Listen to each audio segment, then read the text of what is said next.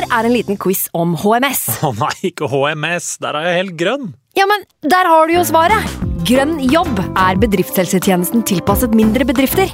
Våre HMS-eksperter hjelper mer enn 8000 bedrifter over hele Norge med alt fra lovpålagte HMS-krav til pålegg fra Arbeidstilsynet.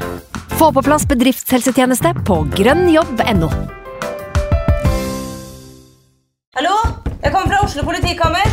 Ine Jansen er purk. Er du purk? The motherfucking bitch. Alt jeg vil, er å finne ut hva som skjedde med mannen min. Jon Carew. Er jeg sikta for noe? Iben Akeli. Det er du.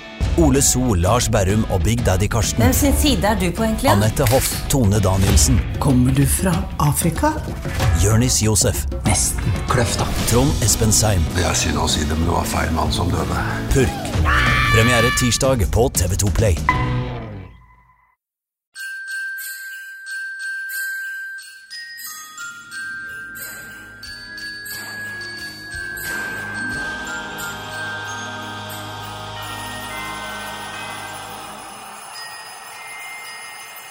Hei, og hjertelig velkommen til uke 14 av vår julekalender. Herlig prat med Frode Skippe i går, men i dag er det en ny gjest. Ja, og nok en gang får vi jo med oss en legende. Det er det, og Frode Skippe har uttalt at dagens gjest er en av de verste han har spilt mot, fordi det føltes ut som han alltid skåra mot dem, og akkurat det måtte jeg sjekke opp. Uh, og i løpet av dagens gjest sin uh, eliteseriekarriere så skåra han faktisk kun to ganger når Frode Kippe var på motsatt eh, banehalvdel. Og det var i tillegg i én og samme kamp, 6. oktober 2007. Men nok om det, vi skal ta inn dagens gjest etter hvert, for i dag er det den 14. desember og kun ti dager igjen til jul. Roald Amundsen var den første personen som nådde Sydpolen. Arve Tellefsen og Michael Owen ble født, og Gerard Hollier, Owens tidligere trener, døde. Eh, Det samme gjorde George Washington. Du kommer med nok informasjon som eh, bare setter seg på i hodet, og som jeg ikke trenger, egentlig. Det er godt jeg kan sitte her hjemme i Kodal og spre min visdom til deg, Frank, men vi må også informere om at denne episoden inneholder reklame. Det gjør den. Det er faktisk eh, Bjugen Sparebank eh, som sponser episoden. Hva- De er fra din hva- hjemplass. Hva du kalte det? Bjugn. Bjugn. Bjugn. Jeg må si det på trøndersk. Bjugn sparebank. Det kan du se. Jeg, jeg, jeg kan ikke trøndersk, i hvert fall. Nei, det, det er sant. Du kan knapt norsk. Jeg savner jo Bjugn. Det er jo eh, mitt hjemsted Valdersund, altså. En eh, utrolig vakker plass helt ute ved havgapet. Snart 14 år siden jeg flytta derfra nå. Og apropos Valdersund, sponsoransvarlig i Bjugn Sparebank er altså Hans Christian Moen Tangen. Og la oss høre hva Hans Christian og hans kollega Inger Duskar Solem sier her om sparetips for unge. Hei Inger, har du noen gode råd om sparing? Ja, det har jeg, vet du. Ehm, hva skal vi tenke på først, da? Tenke som ungdom som har begynt å jobbe og begynt å betale skatt, så er jo det med boligsparing for ungdom det er jo et must. Det må du sette av til framtidig hus, leilighet. Da får du skattefordel og god rente på pengene dine. Og så har du en egenkapital når du skal kjøpe deg hus. Med sånn fond og aksjer, da, lønner det seg, og hva lønner det seg der? Fond er jo sånn historisk eh, Gir jo bedre avkastning enn en vanlig sparekonto. Og det skal ikke så mye til. Du kan begynne med en hundrelapp f.eks. på et fond i måneden. Det virker lite, men det er penger som du ikke ser og tenker på noe mer. Bare glemmer dem, og så står de der og vokser og vokser og vokser. og vokser. I mange år. Så uansett hvordan en sparer, så lønner det seg å komme i gang tidlig. Garantert. Det har du gleden til senere i livet. Det var Hans Christian Moen Tangen og Inger Duskar Solheim fra Bjugn Sparebank som kommer med gode sparetips til unge, altså sånn som oss, Frank. Men nå skal vi avsløre dagens gjest. Ja, i dag får vi besøk av en ekte målsnik. En spiss som de aller fleste stoppere i Norge hater å spille mot. Ja, du verden for en spiss han var, og med en meget god karriere både i Norge og i utlandet. Og jeg husker jeg ble veldig glad den tida han signerte for eh, Rosenborg, men det er kanskje Brann han er mest kjent ifra? Ja, han var enorm i Brann. Eh, Han har jo også et eh, godt ettermæle, og det har gått noen år siden han la skoen på hylla, men han spilte vel noen år i breddefotballen òg, hvis jeg ikke husker helt feil, fanga opp at han spiller litt stopper i lavere divisjoner, stemmer ikke det? Ja, jeg mener det. Vi kan jo høre om det stemmer, da. For hvem er det som befinner seg bak luke nummer 14? Det er eh, Torstein Helstad som finnes der, vet du.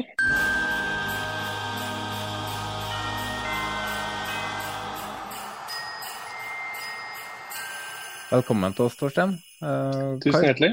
Hva gjør du nå om dagen, egentlig? Akkurat nå så jobber jeg med å trene de nye fremkommende stjernene innen uh, forskjellige idretter, egentlig. Jeg driver med funksjonell trening til barn, ungdom og voksne. Så spennende å trene barn og ungdom, altså. Ja, det skjønner jeg jo. Uh, mm.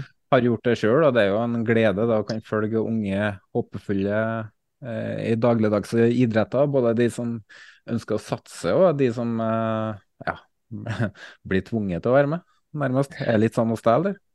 Ja, du har jo alltid noen som har foreldre som kanskje er mer ivrige enn barna til tider. Men uh, det gir ekstra mye glede å se at de får til ting og mestrer ting. Det er, det er jo nesten like gøy som å holde på selv. Du jobber med en flytsonemodell der? Alltid flytsonen, ja.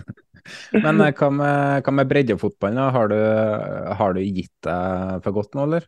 Ja, det har jeg. Um, vi holdt vel på å spille litt for uh, Bærumsløkka her i menn under 33 eller over 33, eller hva det er kalt den uh, ligaen. Det var vel det høyeste man kunne komme på på elverfotball.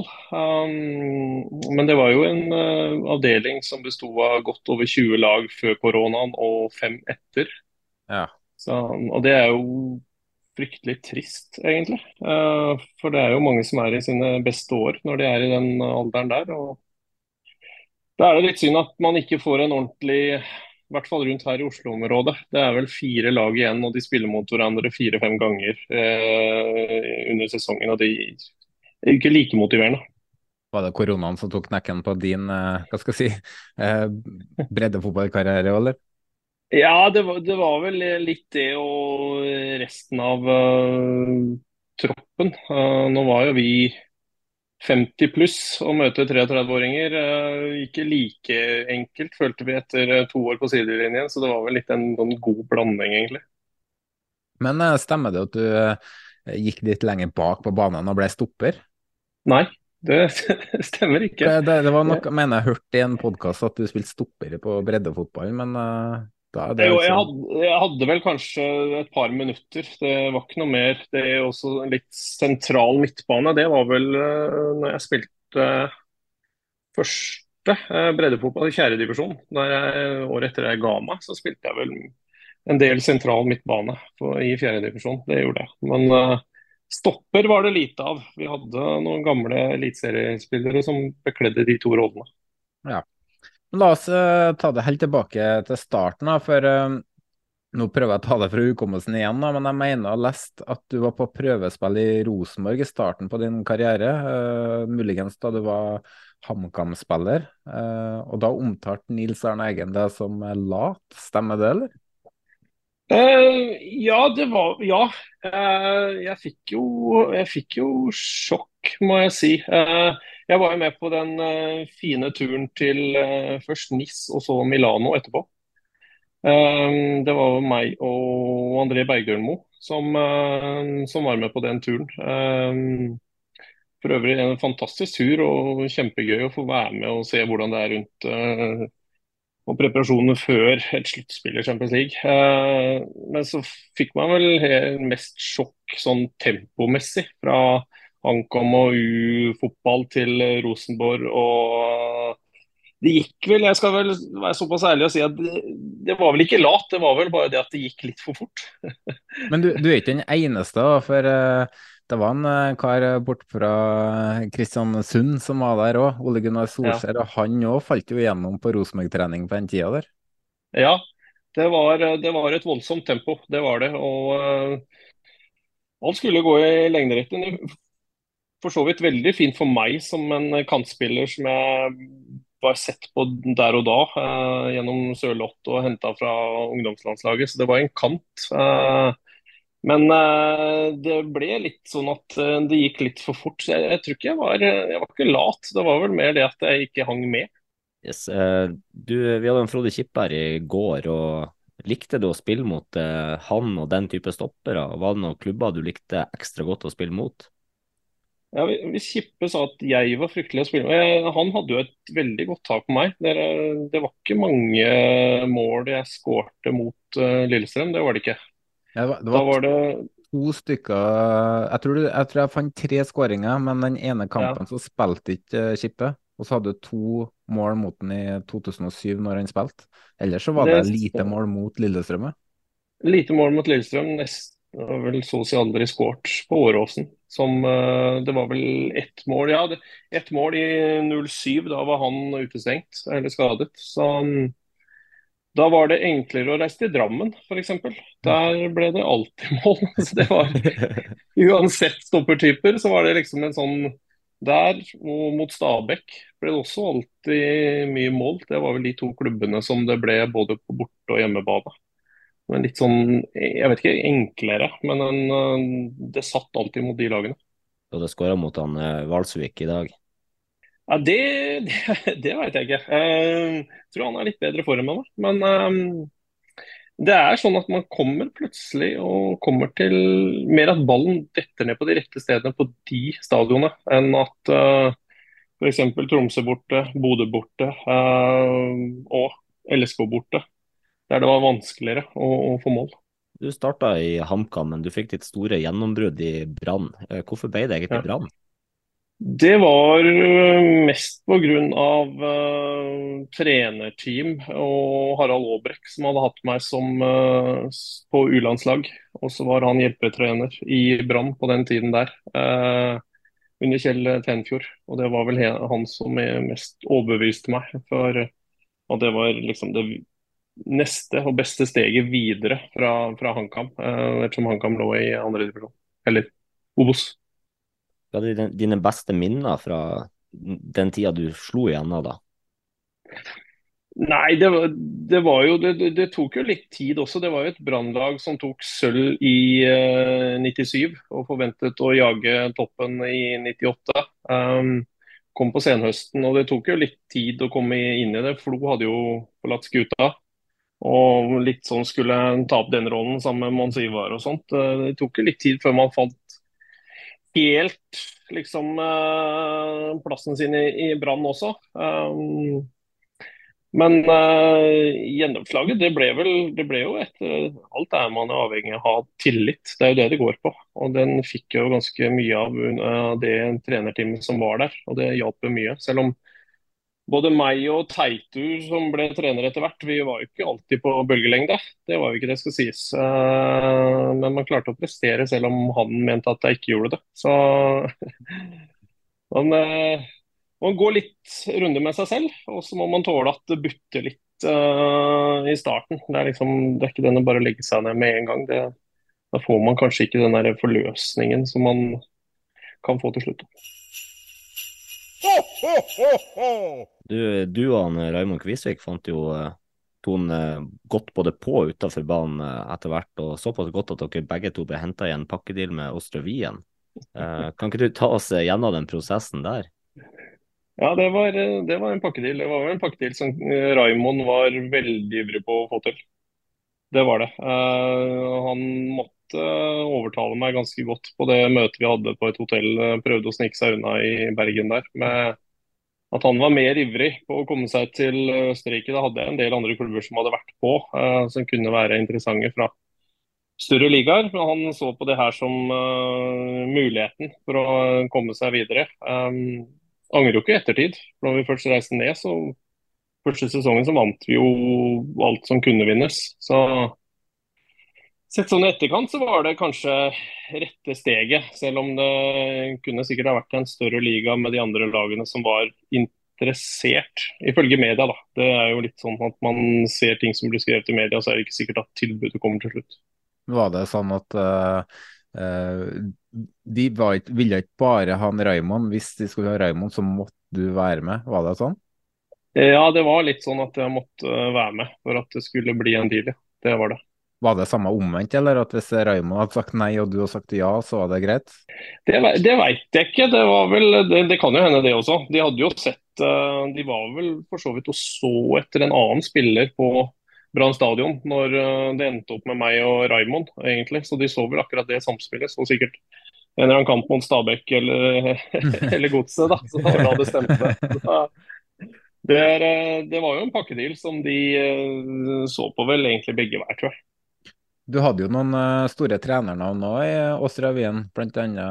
din trenerfavoritt Joakim Løv. Hvordan uh, var den tida i Wien under, under Løv og Kristoff Daum? Daum var, Daum var veldig bra. og Det var jo fordi både jeg og Raymond og Rushfeldt som var der, fikk enormt mye tillit. Spilte vel egentlig alt. Vi spilte 3-5-2 med venstre wingback, Kvisvik og høyre wingback Helstad. Det er liksom Kvisvik ikke... venstre wingback? Ja, det, det, det, var på samme nivå som uh, jeg var høyre winger. Det er jo, de midtstopperne bak oss hadde enormt mye rom å dekke. Men uh, det, var, uh, det, var, det, var, tillit. det det funka jo. Vi var jo såpass gode. Vi hadde et enormt bra fotballag. Så vi vant jo ligaen mange serierunder før slutt og var egentlig litt overlegne. Så det var kanskje derfor han syntes det. Men han måtte ville ha oss inn på lag, laget, og så var eh, Sigurd spiss. Så, um, nei, det, det funka jo veldig bra, det gjorde det. Dam var fin der. Løv var en helt annen type. Uh, enormt sånn taktisk uh, Der er han god på den taktiske biten. Uh, den menneskelige biten som Dom kanskje var bedre på, og ikke like bra. Så um, jeg ville nok foretrukket Dom før Løv. Det vil jeg gjøre. Grev han etter gull oppi nesen da, eller? Ja, ja, det var helt sykt. Inni bussen. Når du kom inn, han satt i bussen. Det var liksom så er, er det mulig?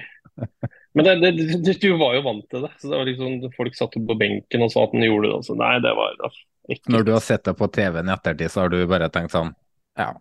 ja. Ja, for det er jo litt sånn, Du kommer jo på morgenen og så skal du håndhilse på treneren.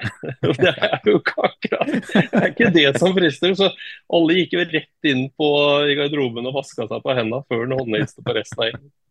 Spesielt, altså. Yes, eh, Så fikk du ett og et halvt år i Rosenborg. og Hvordan var det å komme til en klubb som hadde vært såpass suveren over lang tid, men eh, hadde begynt å få det litt vanskeligere? Nei, det var jo Jeg syns det var kjekt å få muligheten til å komme til Rosenborg. Eh, det må jeg si. Kom jo inn også i en enormt sterk uh, spillertropp. Det gjorde man jo. Uh, selv om man vant gullet på hengende håret i siste seriekamp der. Uh, Overraska at det ble veldig lite feira, det seriegullet. Det var for oss som var For meg første år så var det liksom Oi, det var jo veldig rolig. Her var man vant til det.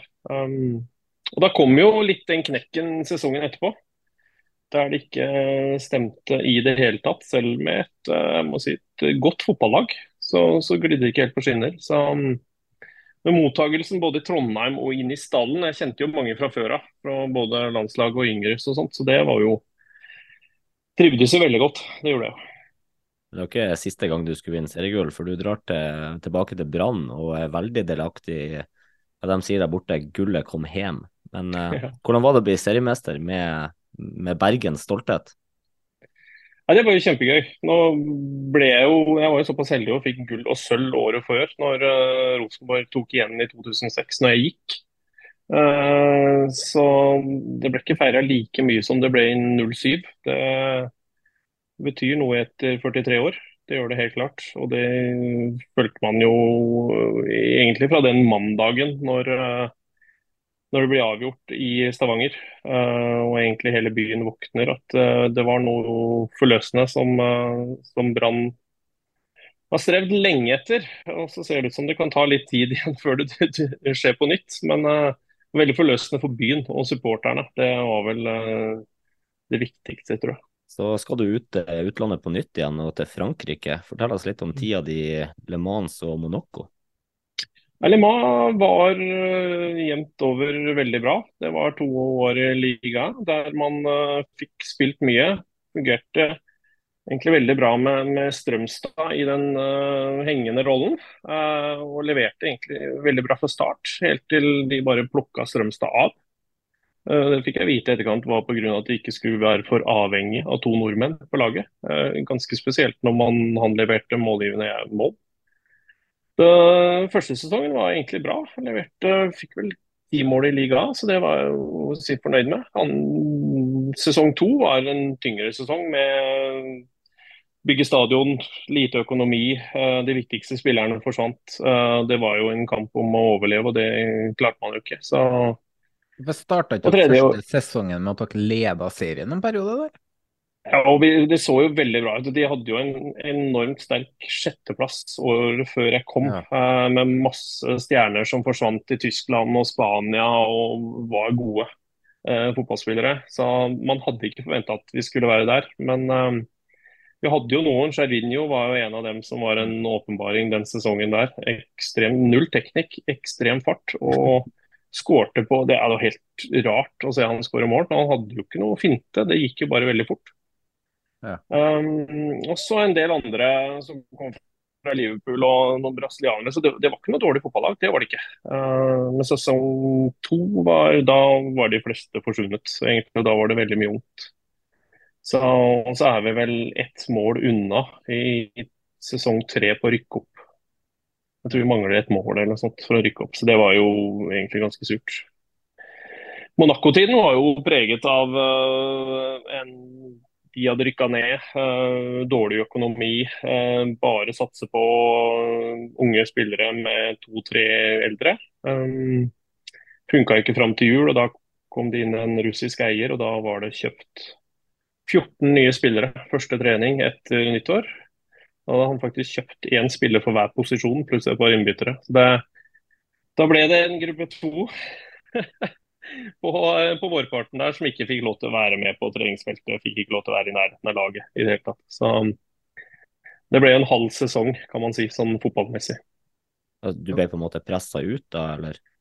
Nei, de, ja, det, de, etter, det kom inn 14 nye der, og så kom det et par til. Så tok han med seg et par av de uh, rutinerte som hadde litt navn. Um, og så resten fikk beskjed om å ikke trene, være på treningsanlegget når de andre var der. Men det var også fem-seks i støtteapparatet som led uh, samme skjebne. Så det er jo litt sånn som man ser i Frankrike, her litt av greiene. Sånn som Mbappe, ned på trening på juniorlaget uh, skjer i England. Men her fikk vi rett og slett ikke lov til å være der, samtidig som A-laget var der. Spesielt. Men du drar tilbake til ja. Lillestrøm, og på en måte, det er der du avslutta den profesjonelle karrieren. da. Eh, Du fikk Ja. tilbud, tilbud om forlengelse, men takka du nei fordi at tilbudet ikke var godt nok, eller hadde du egentlig bestemt deg for at nå var det punktum for karrieren? Nei, vi, vi, fikk, vi hadde jo lyst til, å, hadde lyst til å spille mer. Følte at kroppen var bra. Fikk en strekkskade når man egentlig var litt på gang i det andre året der i, i LSK. Eh, Det satte meg ut lenger enn jeg hadde trodd. Eh, Den behandlingen hjalp ikke, så jeg fikk jo egentlig en sånn syste som satte seg rundt skaden, så det grodde aldri. Eller lega seg aldri helt OK, så det tok ni uker, vel. Det er jo ikke vanlig når du først får en strekkskade som jeg bank i bordet nesten aldri hatt. Så jeg slet litt å komme tilbake, så var tilbudet der, og så ble tilbudet trukket tilbake. Um, og så dukka det ikke opp noe. Jeg var jo egentlig klar for å fortsette der, og jeg trivdes så godt i Lillestrøm. Altså. Så, um, men da kom det ikke noe mer uh, fra den siden der, og da ble det bare en liten uke med, under Bob Bradley i, uh, i Stabekk og trente med dem der. Så ble ikke det noe. Da tenkte jeg at der, kan man uh, Det var et tilbud fra andre steder i Norge, men vi hadde liksom bestemt oss for å bosette oss i Oslo eh, med en nyfødt gutt og den stabiliteten der. Så det ble vel litt av med i avgjørelsen.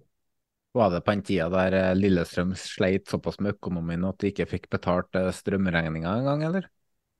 Nei, det var ikke det, men det var ikke sånn all verdens. eh, Det var det ikke. Og så var det jo det var jo mye rutinerte spillere, så det var jo en sånn liten omveltning som skulle til. Men de solgte jo Gulbrandsen og sånt i Molde, så det var jo litt som litt grann som kom inn. Men de skulle vel, det ble en del utskiftninger den, det året der. Det ble det. For det var, det var mange 30 pluss, så det måtte gjøres en liten renskning, egentlig. Så jeg kan skjønne i etterkant. Jeg bærer ikke noen dag pga. det. altså.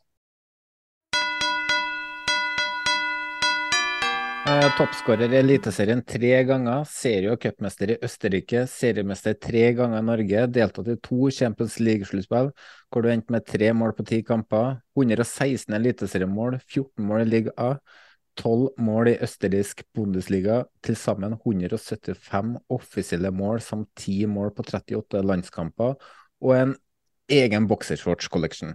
For en fantastisk karriere, Torstein, men hva er, du, hva er det du er mest fornøyd med?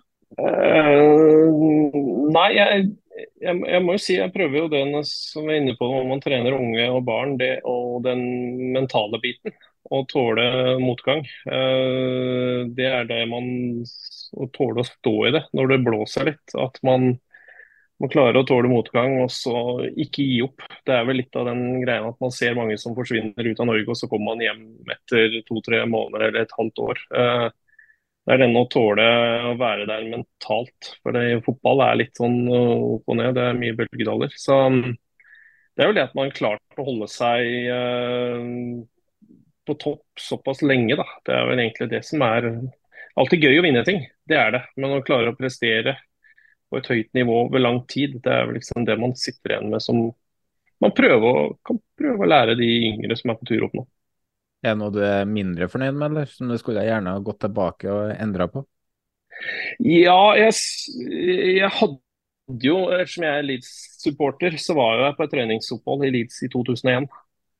Og der var jeg vel en spillebuss uh, unna å spille for annetlaget. Det var vel egentlig det, bare det de mangla, å se meg i kamp for at du skulle få en kontrakt. Og det var i 2001. Det var vel det året de kom ganske langt i Champions League. Semifinalen der. Ja, så det var jo et, en, og det var jo en enormt sterk tropp. Uh, mye gode fotballspillere. Så ja, man skulle jo bare ha satt seg på den bussen. Jeg angrer på det. Så kunne det kanskje vært en annen skjebne. Da hadde du gått glipp av en ordentlig fest òg, med Lee Bowyer og Jonathan Woodkate. Så... Ja, det, er, det, det, jeg skjønte at de hadde det gøy. Eirik Bakke sa det, at det var mye ja. fine spillere der. Men uh, Torstein, nå er ti dager igjen til jul. Uh, vil du karakterisere deg sjøl som et julemenneske? Er du glad i jula? Ja, det, det er jeg. Man har uh, barn som gleder seg til det, så blir man jo prega av det. Med både juleavslutninger og alt som skal til. Og så, så er det jo hyggelig med, hvis man får en hvit jul. og det, Både det med julaften, men også det rundt. Med å komme seg ut og stå på ski og gå på ski og sånt. Jeg gleder meg til det. Er det du som pynter juletre og henger opp julelys og gjør den slags? Handler julegaver? Jeg tar ned pynten. Jeg finner den frem. Det, det, det gjør også, så har jeg ikke så veldig mye å bidra på det estetiske. Det er det andre som tar seg. Det er helt motsatt her. Jeg pynter, kjerringa rydder ned. Det... Ja, se her, ja. Se der. Da skal jeg prøve å bidra mer i år. Ja, det er gøy. Jeg, synes, jeg koser meg. Jeg satt på julemusikk og har det gøy. Uh, ja. Jeg skjemmes over meg sjøl. Um, hva serveres på, til julemiddag, da? Det er, ettersom kona er fra Molde, så er det pinnekjøtt. Uh, er vi hjemme på, uh, hos min mor og far uh, på Hamar, så er det ribbe, men vi prøver å ha pinnekjøtt. Jeg må si at jeg er en stor fan av pinnekjøtt. jeg syns det er best. Så du har blitt et pinnekjøttmenneske mm, etter at du møtte samboeren din? Ja, jeg har det. Hun lager så godt pinnekjøtt. Så det er, jeg prioriterer det foran ribbe. Så det får mor og far uh, ta og kritisere meg i etterkant for det. Men uh, nei, pinnekjøtt. Jeg er glad i pinnekjøtt. Jeg, jeg, jeg samme sjøl, jeg syns pinnekjøtt er bedre enn ribbe. Men, det, ja. men ribbe lukter julaften. Det, så jeg klarer ikke å venne meg til noe annet på sjølve julaften. og Man kan heller ha ribbe i mellomjula. Men jeg har ei opp her som eh, ikke tåler lukta av sau, så, så det blir ikke så mye pinnekjøtt her i gården. Um, Nei, det blir ikke. Men um, jeg sliter jo veldig, da. Med mm. altså, ti dager til jul. Jeg finner ikke ut hva jeg skal kjøpe til min uh, samboer. Har du noen tips som uh, jeg kan ta med meg, eller sliter du sjøl? Ja, det, det, jeg må ærlig innrømme at jeg har prøvd et par år å gjøre det tidlig. Eh, for så å forhøre seg litt i etterkant, og da stemmer det jo ikke i det hele tatt, det man har kjøpt. Så da må man ut og gjøre noe med det. Så jeg er vel en av de, en av de som tar det ganske tett innpå selv. Jeg gjør det, altså. Ja. Det er researchen. Du må, du må, det er noen sånne små drypp hele tiden, så kommer du fram til hva, det, hva de ønsker seg. Det er det du må gjøre. Jeg ønsker seg snille unger og en snill uh, mann, sier jeg. Det, det, det kan, jeg kan ikke gi av det. Eller jeg kan ikke love. Så. Men, men. Uh, før vi runder av, uh, vi må komme av med noen hint om morgendagens gjest. Frank, hvem er det som kommer? Nei, Han som kommer i morgen, er fortsatt aktiv. Ja, og han er fortsatt aktiv både på klubb og landslag. Nå gjorde du akkurat uh, den, aktuelle, den lista med aktuelle kandidater mye mindre. Ja, det kan kanskje ikke gjøre det så mye lettere enn det her heller. Vi kan vel røpe at han fikk landslagsdebuten mot uh, Hellas. Ja, ikke sant. Hvem var det som var trener for landslaget, han, eller U18-landslaget, når han debuterte der? Vet du det, eller? Oi, U18. Eh, kan det ha vært Jalland? Eh, nei, det var faktisk Horneland. Men eh, det er ikke Horneland som er treneren hans i dag, i hvert fall. Nei, det er det ikke. Men eh, jeg tenker egentlig nok eh, hint. Vet du hvem det er, Torstein? Eh, spiller på landslaget i dag. spiller i serien, eller Eliteserien. Debutert mot Hellas. Hvem kan det være? Hvem kan det være? Jeg burde vel sikkert ha tatt debutert mot Hellas. Da er vi tilbake i 2021, tror jeg. Jeg burde sikkert ha tatt den. Det burde jeg. Ja, Godt å gjøre det litt vanskelig, da. For da får vi kanskje ja. flere sånn tips som kommer inn. Men uh, Torstein, det har mm? Hvor mange eliteseriespillere var i forrige landslagstropp? Seks-sju stykk. Det står, med, står jo ca. mellom det, da. Ja. Det er ikke mange, vet du. Uh, Torstein, det har vært en glede å ha deg med. Og da er det jo bare én ting å si. God jul!